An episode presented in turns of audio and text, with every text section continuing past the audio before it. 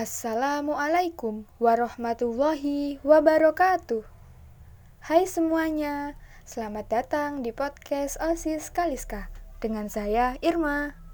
Ngomong-ngomong, di tanggal 2 Mei ini telah ditetapkan oleh pemerintah sebagai Hari Pendidikan Nasional loh.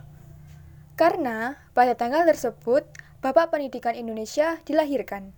Nah, siapa sih Bapak Pendidikan Indonesia itu? Beliau adalah Ki Hajar Dewantara yang memiliki nama asli Raden Mas Suwardi Suryaningrat. Beliau lahir di keluarga Ningrat di Yogyakarta tanggal 2 Mei tahun 1889. Oh iya guys, Ki Hajar Dewantara memiliki peran yang sangat amat besar bagi dunia pendidikan di Indonesia. Sebab Beliau adalah tokoh pelopor pendidikan di Indonesia yang juga dikenal sebagai pendiri pendidikan taman siswa. Pada masa kolonialisme Belanda, Ki Hajar Dewantara dikenal karena keberaniannya menentang kebijakan pendidikan pemerintah Hindia Belanda. Pada masa itu, pendidikan hanya diperuntukkan bagi anak-anak kelahiran Belanda atau kaum priayi saja.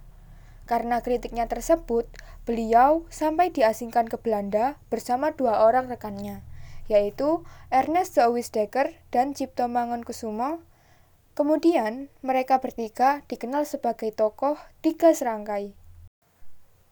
Kemudian, setelah kembali ke Indonesia, Ki Hajar Dewantara berinisiatif mendirikan sebuah lembaga pendidikan, yaitu yang bernama National Underwich Institute Taman Siswa atau yang biasa disebut Perguruan Nasional Taman Siswa. Ketika Ki Hajar Dewantara mendirikan taman siswa yang sekaligus mengajar di sekolah tersebut, beliau menciptakan tiga semboyan bagi para guru atau pengajar. Semboyan yang ia buat terdiri dari tiga poin yang ditulis dengan bahasa Jawa. Semboyan tersebut sangat terkenal hingga saat ini. Yang gimana sih semboyannya? Mungkin teman-teman sudah mendengar semboyan ini. Semboyan tersebut berbunyi, Ing ngarso sung tulodo, ing madya mangun karso, lan tuturi handayani. Pasti pernah dengar kan? Semboyan tersebut jika diartikan menjadi di depan memberi teladan, di tengah membangun kemauan, dan di belakang memberi dorongan. Semboyan tersebut diciptakan sebagai pedoman bagi guru atau pengajar saat membimbing murid-muridnya dalam hal pembelajaran. Teman-teman, untuk menghormati jasa beliau terhadap dunia pendidikan, pemerintah Indonesia kemudian menetapkan tanggal kelahiran beliau sebagai Hari Pendidikan Nasional. Namun, Hari Pendidikan Nasional atau Hari Dignas ini bukan termasuk hari libur ya. Sebagai pelajar milenial, sebaiknya kita nggak hanya memperingati Hari Pendidikan Nasional saja. Kita juga perlu mengetahui makna positif apa aja sih di balik peringatan tersebut. Misalnya, satu, semakin mendorong kita untuk semangat belajar.